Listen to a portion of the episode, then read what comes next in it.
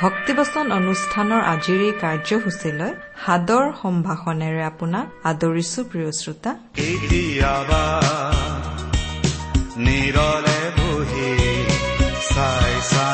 এবাৰ ভাবি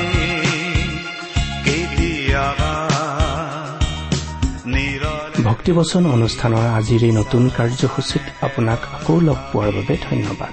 আশা কৰো আপুনি ভালে কুশলে আছে। বাইবেল শাস্ত্ৰৰ এই শিক্ষাসমূহে আপোনালৈ আশীৰ্বাদ কঢ়িয়াই আনিছে বুলি আশা কৰিছো।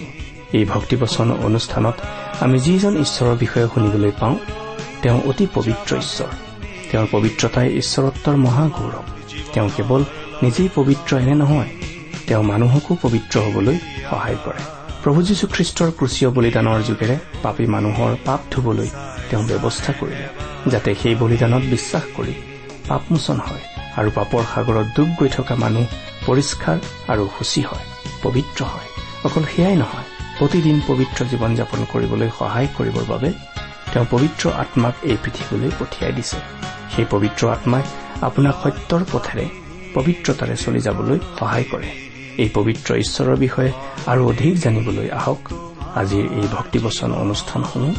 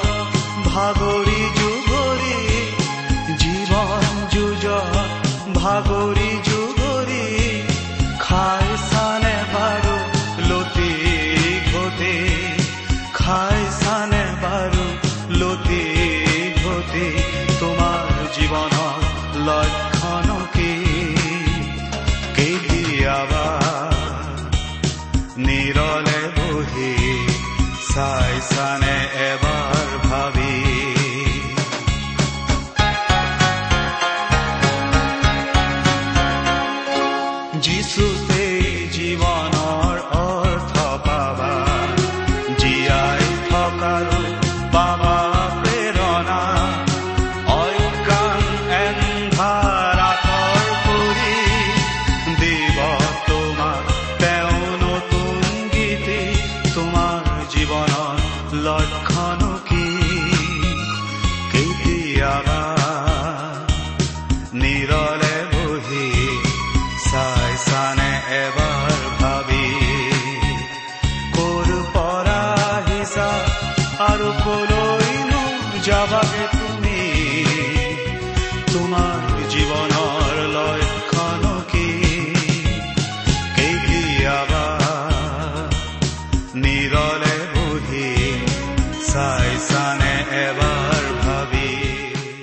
আমাৰ মহান ত্ৰাণকৰ্তা প্ৰভু যীশুখ্ৰীষ্টৰ নামত নমস্কাৰ প্ৰিয় শ্ৰোতা। আশা কৰো আপুনি আমাৰ মহান পিতা পৰমেশ্বৰৰ মহান অনুগ্ৰহত ভালে কুশলে আছে। লগতে এই বুলিও আশা কৰিছো যে আপুনি আমাৰ এই ভক্তিবচন অনুষ্ঠানটো নিয়মিতভাৱে শুনি আছে।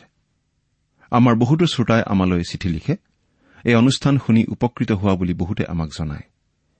তেনেকুৱা চিঠিবোৰে আমাক কাম কৰি যাবলৈ যথেষ্ট উৎসাহ যোগায়। আপুনি বাৰু কেতিয়াবা আমালৈ চিঠি লিখিছেনে? অনুগ্ৰহ কৰি আজিয়েই দুখাৰিমান লিখি পঠিয়াবচোন।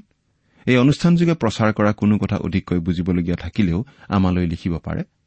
আহকচোন আজিৰ বাইবেল অধ্যয়ন আৰম্ভ কৰাৰ আগতে খন্তেক প্ৰাৰ্থনাত মূৰ দুৱাওঁ। আমি প্ৰাৰ্থনা কৰো। আমাৰ স্বৰ্গত থকা মৰমীয়াল পিতৃ ঈশ্বৰ তোমাক ধন্যবাদ জনাওঁ কাৰণ তোমাৰ মহান বাক্য বাইবেল শাস্ত্ৰ অধ্যয়ন কৰিবলৈ তুমি আমাক আকৌ এটা সুযোগ দান কৰিছা। তোমাক শতকোটিবাৰ ধন্যবাদ জনাওঁ কাৰণ তুমি তোমাৰ একেজাত পুত্ৰ যীশুখ্ৰীষ্টৰ জৰিয়তে আমালৈ অনন্ত জীৱনৰ আশীৰ্বাদ বিনামূল্যে আগবঢ়াইছা। এতিয়া আহা পিতা তোমাৰ বাক্য তুমিয়েই আমাক বুজাই দিয়া। আমাৰ মৰমৰ শ্ৰোতাসকলক উপচি পৰাকৈ আশীৰ্বাদ কৰা। তেওঁলোকৰ সকলো প্ৰয়োজনৰ কথা তুমিহে ভালদৰে জানা আৰু সেই সকলো তুমিয়েই পূৰণ কৰা। কিয়নো এই প্ৰাৰ্থনা আমাৰ মহান ত্ৰাণকৰ্তা প্ৰভু যীশুখ্ৰীষ্টৰ নামত আগবঢ়াইছো।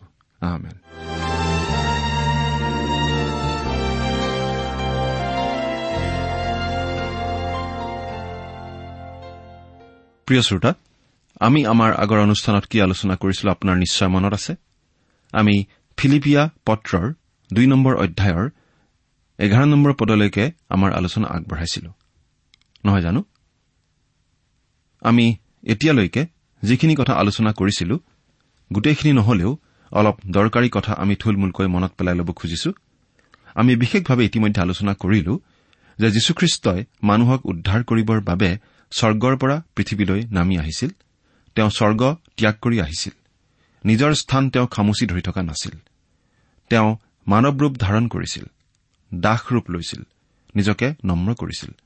স্ব ইচ্ছাই মৃত্যুবৰণ কৰিছিল। এনেকি ক্ৰুচীয় মৃত্যুৰ নিচিনা অতি অপমানজনক মৃত্যু তেওঁ বৰণ কৰিছিল। আপোনাৰ মোৰ দৰে সকলো মানুহক উদ্ধাৰ কৰাৰ পথ প্ৰস্তুত কৰিছিল। তেওঁক পৰিত্ৰাতা বুলি গ্ৰহণ কৰি আমি সকলোৱে পৰিত্ৰাণ লাভ কৰিব পাৰো। তাৰ পাছত আমি আলোচনা কৰিছিলো পিতৃ ঈশ্বৰে প্ৰভু যীশুখ্ৰীষ্টক অতি ওখ পদ দিছে সৰ্বোচ্চ সন্মান দিছে সকলোতকৈ শ্ৰেষ্ঠ নাম দিছে। সেই নাম হৈছে যীশু। যীশু নামৰ অৰ্থ হৈছে উদ্ধাৰকৰ্তা কাৰণ তেওঁ মানুহক পাপৰ পৰা উদ্ধাৰ কৰিব পাৰে। ঈশ্বৰে তেওঁক সৰ্বোচ্চ স্থান দিছে আৰু এদিন স্বৰ্গ মৰ্ত আৰু নৰকৰ সকলোৱেই যীশুৰ আগত আঁঠু ল'ব লাগিব আৰু তেওঁই প্ৰভু বুলি স্বীকাৰ কৰিবলৈ বাধ্য হ'ব লাগিব। আমি এই কথাটো আলোচনা কৰিছিলো যে প্ৰভু যীশুক মুখেৰে প্ৰভু বুলি স্বীকাৰ কৰি ললেই পৰিত্ৰাণ পোৱা নুবুজায়। তেওঁকেই পৰিত্ৰাতা বুলি বিশ্বাস কৰি তেওঁক পৰিত্ৰাতা বুলি গ্ৰহণ কৰি ললেহে আমি পৰিত্ৰাণ পাওঁ। আনকি ছয়তানেও যীশুৱেই প্ৰভু বুলি মানি ল'বলৈ বাধ্য হ'ব। কিন্তু ছয়তানে স্বৰ্গত স্থান নাপায়। গতিকে আমি যীশুখ্ৰীষ্টক আমাৰ ত্ৰাণকৰ্তা বুলি বিশ্বাস কৰি তেওঁক গ্ৰহণ কৰিব লাগিব আৰু আমাৰ হৃদয়লৈ আহান কৰিব লাগিব। পাচনি পৌলে এই ফিলিপিয়া পত্ৰখন লিখিছিল ফিলিপিত থকা খ্ৰীষ্টীয় বিশ্বাসী লোকসকললৈ। তেওঁ তেওঁলোকক অনুৰোধ কৰিছিল যাতে খ্ৰীষ্টৰ যি ভাৱ অৰ্থাৎ যি নম্ৰতাৰ ভাৱ মৃদুতাৰ ভাৱ সেই ভাৱ যেন তেওঁলোকতো থাকে। খ্ৰীষ্টই যিদৰে আনৰ কাৰণেই ইমানখিনি ত্যাগ কৰিলে তেনেকৈ খ্ৰীষ্টীয় বিশ্বাসীসকলেও নিজৰ কথা নাভাবি আনৰ কথা ভাবিব লাগে। আনক নিজতকৈ উত্তম বুলি ভাবিব লাগে। এই নম্ৰতাৰ ভাৱ খ্ৰীষ্টৰ ভাৱ এই ভাৱ প্ৰতিজন বিশ্বাসীৰ আচৰণত প্ৰকাশ পাব লাগে। এতিয়ালৈকে আমি খ্ৰীষ্টৰ ভাৱৰ কথা চালো তেওঁৰ নম্ৰতা চালো। কিন্তু আমি জানো আৰু নিশ্চয় অনুভৱ কৰিছো যে আমি তেওঁৰ নিচিনা হ'ব নোৱাৰো নিজৰ চেষ্টাৰে। কিন্তু আমাক কোৱা হৈছে খ্ৰীষ্ট যীশুত যি ভাৱ সেয়ে তোমালোকতো হওক। ফিলিপিয়া দুই অধ্যায় পাঁচ নম্বৰ পদ। এইটো কেনেকৈ হ'ব পাৰে? এইটো সম্ভৱ হ'ব ইম্পাৰ্টেশ্যন অৰ্থাৎ আমাৰ ওপৰত আৰোপিত কৰাৰ দ্বাৰা। এইটো পবিত্ৰ আত্মাই আমাত কৰা কাৰ্য আৰু পবিত্ৰ আত্মাই আমাৰ জীৱনত আমাৰ হৃদয়ত এই কাৰ্য কৰাৰ দ্বাৰা। আমাৰ জীৱনত মৃদুতা নম্ৰতা আৰু মধুৰতাৰ ফল ফুটি উঠিব পাৰে এনেদৰেহে। এতিয়া আমি দেখিবলৈ পাম খ্ৰীষ্টৰ সেই ভাৱ ৰোমৰ বাটে পথে বিচৰণ কৰাৰ কথা। ৰোমৰ ঘৰত আৰু জেলত এই ভাৱ আমি দেখিম।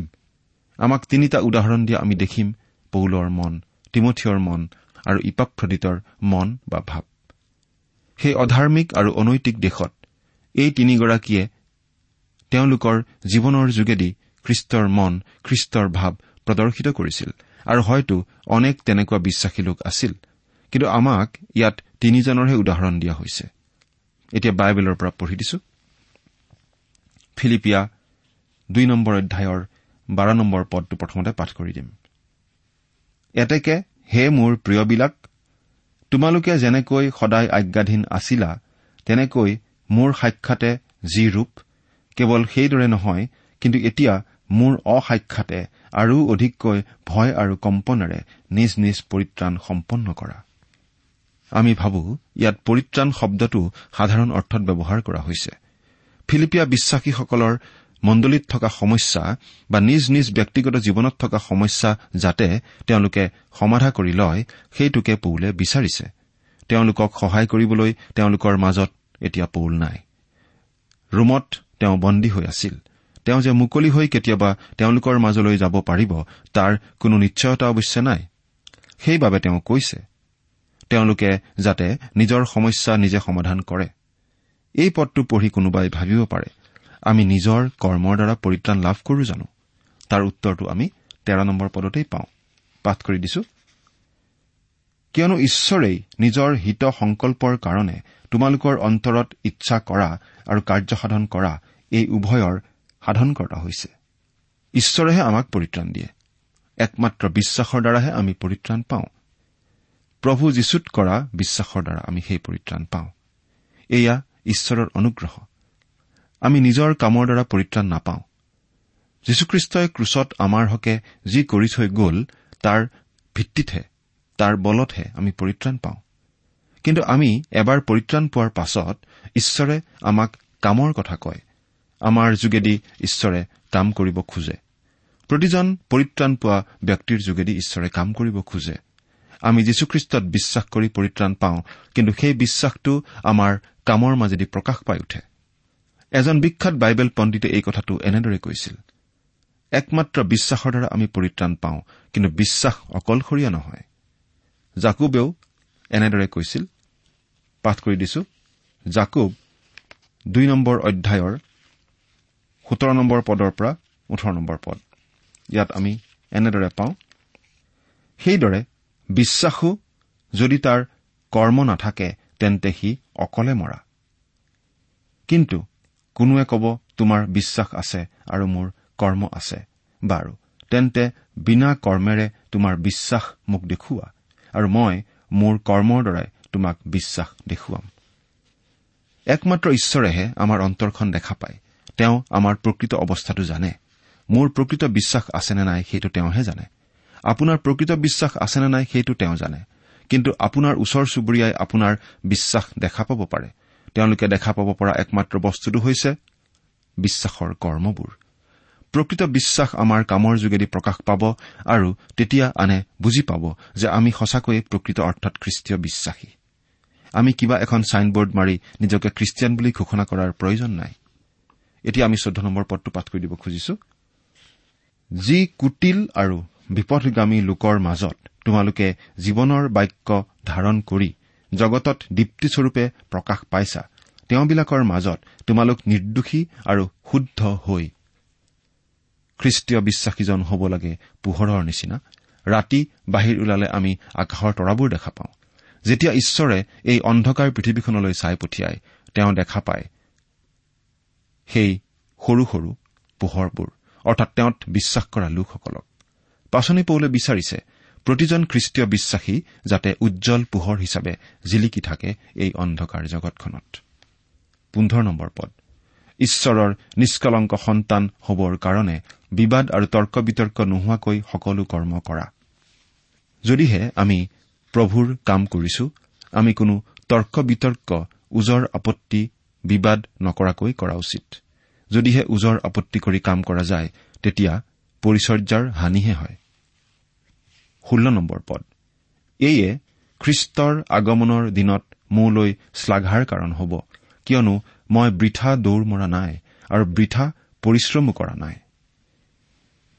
ফিলিপিয়া বিশ্বাসীসকল পৌলৰ পৰিচৰ্যাৰ যোগেদি খ্ৰীষ্টলৈ আহিছিল। তেওঁলোকৰ খ্ৰীষ্টীয় বিশ্বাস তেওঁলোকৰ জীৱনৰ যোগেদি প্ৰকাশ পাই উঠাটো পৌলে বিচাৰিছিল আৰু তাতেই তেওঁৰ আনন্দ।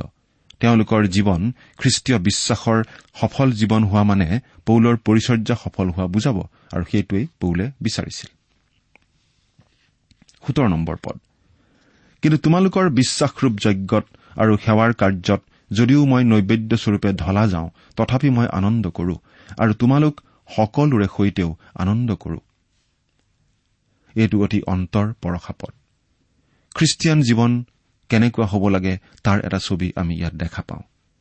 আদি পুস্তক পঁয়ত্ৰিশ নম্বৰ অধ্যায়ৰ চৈধ্য নম্বৰ পদত আমি পঢ়িবলৈ পাইছিলো।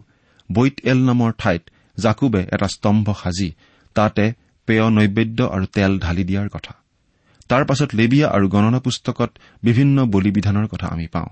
তাতো আমি পেয় নৈবেদ্যৰ কথা পাওঁ। এই পেয় নৈবেদ্যটো কিন্তু পাপাৰ্থক বলিত দিয়া হোৱা নাছিল। এই নৈবেদ্যটো অলপ আচহুৱা ধৰণৰ কাৰণ এই পেয় নৈবেদ্যটো খ্ৰীষ্টৰ শৰীৰৰ প্ৰতীক নহয়। মানুহৰ মুক্তিৰ ছবিখনো ই দাঙি নধৰে। জুইত দিয়া বলিটোৰ ওপৰতে এই পেয় নৈবেদ্য অৰ্থাৎ দ্ৰাক্ষাৰস ঢালি দিয়া হৈছিল আৰু সেই ৰসখিনি জ্বলি শেষ হৈ গৈছিল। পৌলে কৈছে খ্ৰীষ্ট হৈছে বলি আৰু সেই বলিত মই নিজকে পেয় নৈবেদ্যৰ নিচিনাকৈ ঢালি দিব খুজিছো। আচল বলি হৈছে যীশুখ্ৰীষ্ট। মানৱৰ মুক্তিৰ কাৰণে তেওঁ ক্ৰুচত বলি হ'ল। কিন্তু পৌলে নিজকে পেয় নৈবেদ্য স্বৰূপেহে আগবঢ়াব খুজিছে। পেয় নৈবেদ্য ভাৱ হৈ নোহোৱা হৈ যায় কোনেও দেখা নাপায়। একেদৰে পৌলে বিচাৰিছে যাতে তেওঁক নহয় মানুহে খ্ৰীষ্টকহে দেখে। সকলো মান মৰ্যাদা সকলো গৌৰৱ খ্ৰীষ্টৰেই হওক। প্ৰতিজন খ্ৰীষ্টীয় বিশ্বাসীৰ জীৱনৰ মূল উদ্দেশ্য এয়েই হোৱা উচিত। খ্ৰীষ্টৰ গৌৰৱৰ অৰ্থে নিজকে পেয় নৈবেদ্যস্বৰূপে আমি ঢালি দিয়া উচিত। এতিয়া ওঠৰ নম্বৰ পদটো পাঠ কৰি দিব খুজিছো। এই বিষয়ে তোমালোকেও আনন্দ কৰা আৰু মোৰে সৈতেও আনন্দ কৰা। ইয়াতেই আমি পাচনি পৌলৰ নম্ৰতাৰ ভাৱটো দেখা পাওঁ। নিজকে পেয় নৈবেদ্য হিচাপে আগবঢ়াই দিয়াটোকেই তেওঁ চৰম আনন্দৰ বিষয় বুলি ভাবিছে। তেওঁ ফিলিপিয়া লোকসকলকো তেওঁৰে সৈতে আনন্দ কৰিবলৈ কৈছে। আমি বাৰু কিহক লৈ আনন্দ কৰো? আমি প্ৰায়েই ভুল আৰু অদৰকাৰী কথাক লৈ আনন্দ কৰো। যীশু যে আমাৰ হৈ ক্ৰুচত হত হ'ল আৰু আমি যে তেওঁৰ সেৱা কৰিব পাৰো সেই কথাত আমি আনন্দ কৰিব পাৰো। কোনো বিশ্বাসী ভাইক যদি ঈশ্বৰে পৰিচৰ্যাত খুব ব্যৱহাৰ কৰি আছে বুলি আমি শুনো তেনেহলে আমি আনন্দ কৰা উচিত। যদিহে আমি নম্ৰ হবলৈ শিকো তেনেহলে আমি আনৰ বিষয়ে ভাল কথা শুনিলে আনন্দ কৰিব পাৰিম। কিন্তু তোমালোকৰ বিষয়ে জানি মই যেন সন্তুষ্ট হ'ম এই নিমিত্তে অলপতে তোমালোকৰ তালৈ তিমঠিয়ক পঠাবলৈ মই প্ৰভু যীশুত আশা কৰিছো। তিমঠিয় আছিল পাচনি পৌলৰ আম্মিক সন্তান।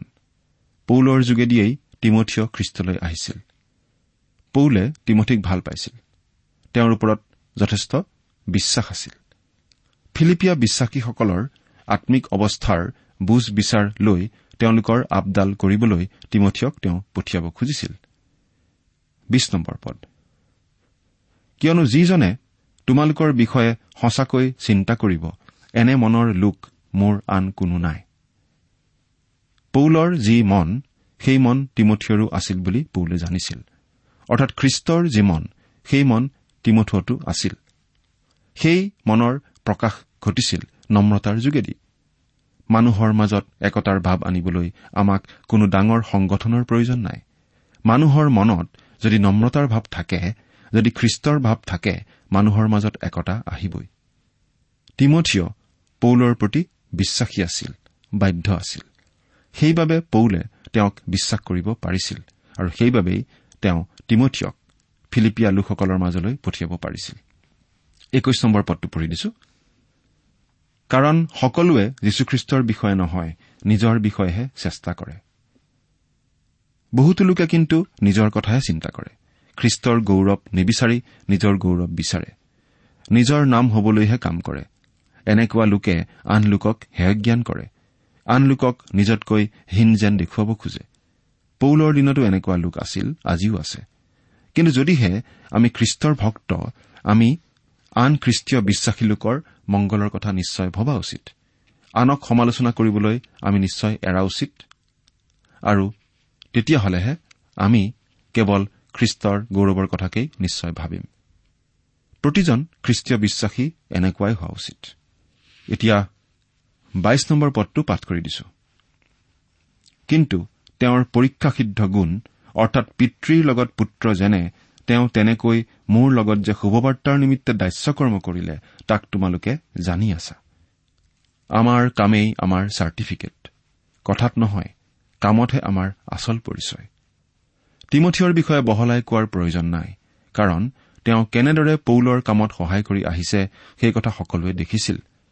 তিমঠিয়ক বেলেগে চাৰ্টিফিকেট দিয়াৰ আৰু প্ৰয়োজন নাই। প্ৰিয় শ্ৰোতা আমাৰ বিষয়ে বাৰু আনে এনেকৈ ক'ব পাৰিবনে? আমাৰ দৈনন্দিন জীৱনৰ কাম কাজ বাৰু কেনেকুৱা? চিন্তা কৰি চাওকচোন। তেইছ আৰু চৌবিশ নম্বৰ পদ দুটা পাঠ কৰি দিম। এতেকে মোৰ কি ঘটিব তাক জনা মাত্ৰে তেওঁকেই পঠাবলৈ মই আশা কৰিছো। আৰু মই নিজেও অলপতে যাম। ইয়াকে প্ৰভূত বিশ্বাস কৰিছো। পাচনি পৌলে এদিন ৰোমৰ সেই বন্দীশালৰ পৰা মুক্তি পাব বুলি আশা কৰিছিল। শুনিবলৈ পোৱা যায় যে পৌলে মুক্তিলাভ কৰিছিল আৰু শুভবাৰ্তা ঘোষণাৰ কাম চলাই যাব পাৰিছিল।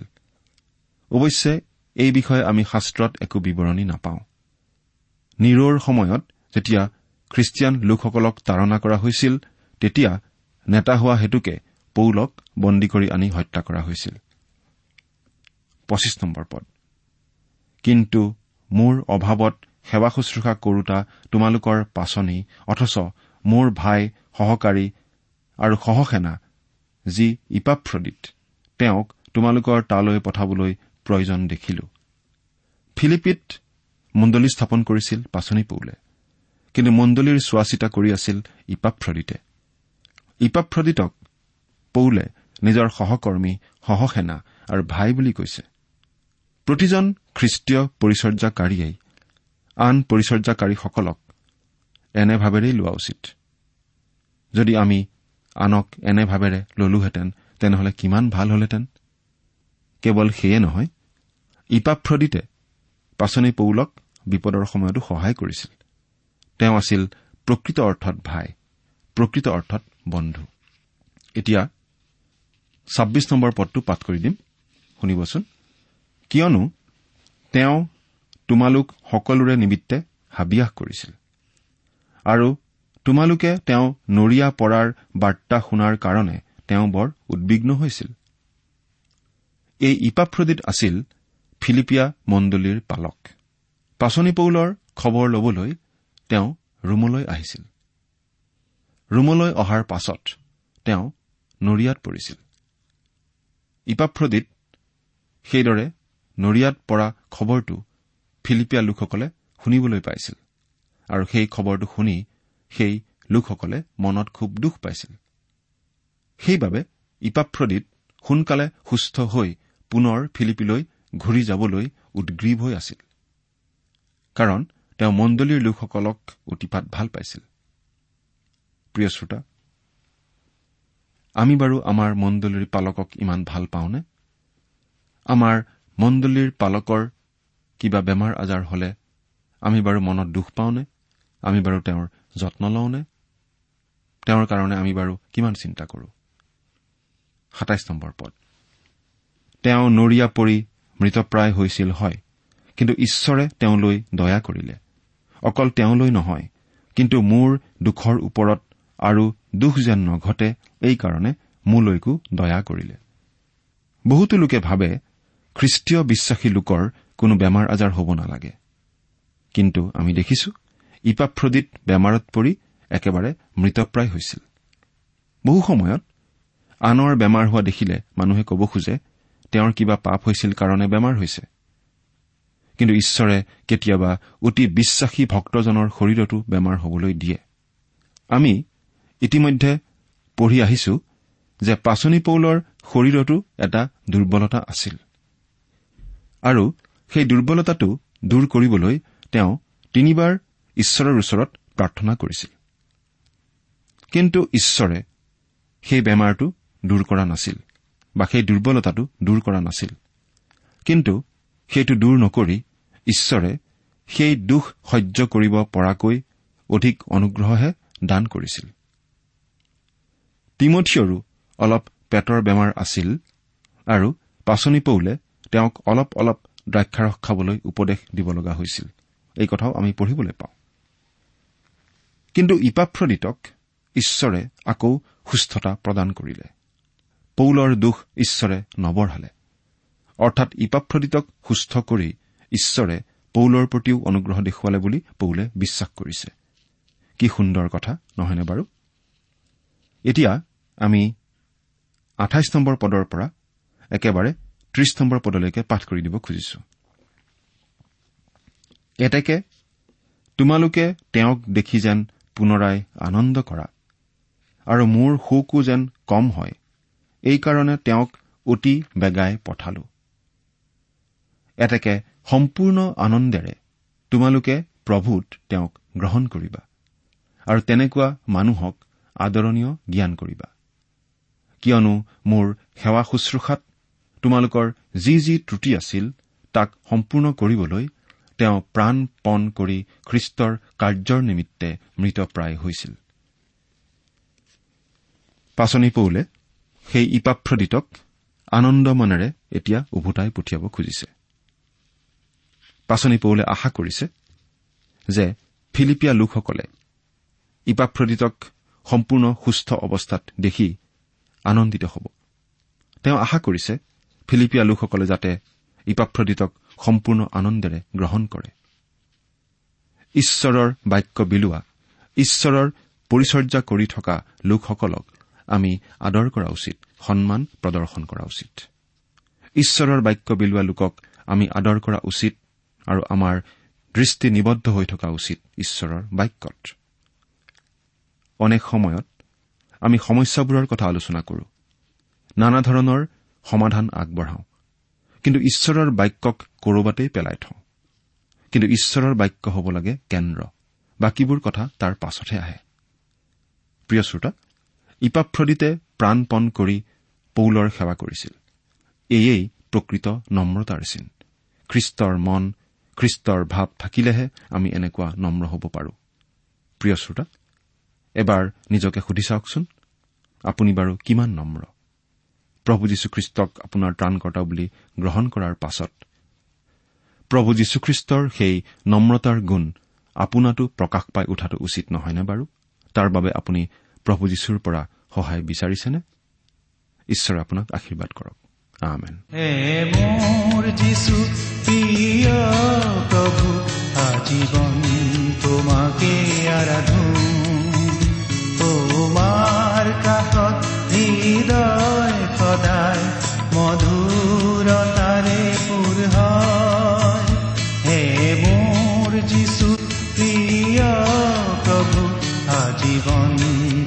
ইমান পৰে আপুনি ঈশ্বৰৰ বাক্যৰ পৰা শিক্ষা শুনিলে। এই বিষয়ে আপোনাৰ মতামত জানিবলৈ পালে আমি নথৈ আনন্দিত হ'ম। আমি প্ৰস্তুত কৰা বাইবেল অধ্যয়নৰ চিডিসমূহ পাব বিচাৰিলে আৰু অনুষ্ঠানত প্ৰচাৰ কৰা কোনো কথা বুজিব লগা থাকিলেও আমালৈ লিখক। আমাৰ যোগাযোগৰ ঠিকনা ভক্তিবচন ট্ৰান্সৱৰ্ল্ড ৰেডিঅ' ইণ্ডিয়া ডাক বাকচ নম্বৰ সাত শূন্য গুৱাহাটী সাত আঠ এক শূন্য শূন্য এক। ঠিকনাটো আকৌ এবাৰ কৈছো ভক্তিবচন ট্ৰান্স ৱৰ্ল্ড ৰেডিঅ' ইণ্ডিয়া ডাক বাকচ নম্বৰ সাত শূন্য গুৱাহাটী সাত আঠ এক শূন্য শূন্য এক। জীৱন পথ নিসংগতাই যেতিয়া হতাশানে জীৱন পথ নিসংগতাই যেতিয়া হতাশানে তুমিয়ে প্ৰেৰণাৰ সাগৰ তুমিয়ে আপোন জীৱন তুমিয়ে যিছু প্ৰেৰণাৰ সাগৰ তুমিয়ে আপোন জীৱন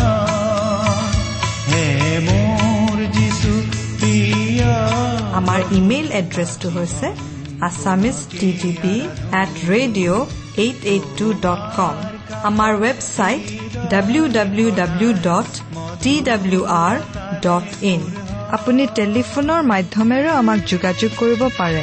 আমাৰ টেলিফোন নম্বৰটো হৈছে nine eight five four zero' four zero' eight eight nine. Phone নম্বৰটো আকৌ এবাৰ কৈছো ন আঠ পাঁচ চাৰি শূন্য চাৰি শূন্য আঠ আঠ ন।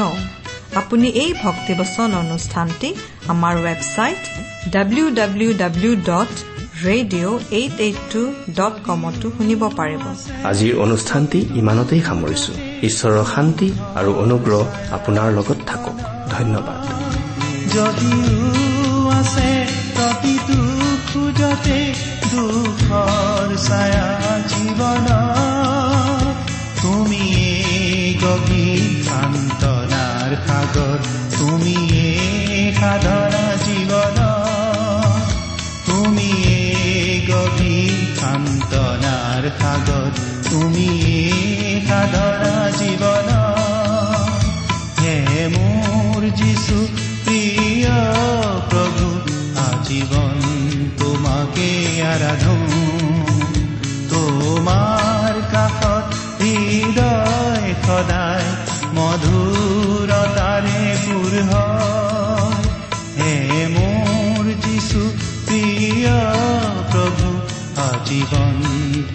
তোমাকে আৰাধো তোমাৰ কাষত হৃদয় সদায় মধুৰতাৰে পুৰ হয়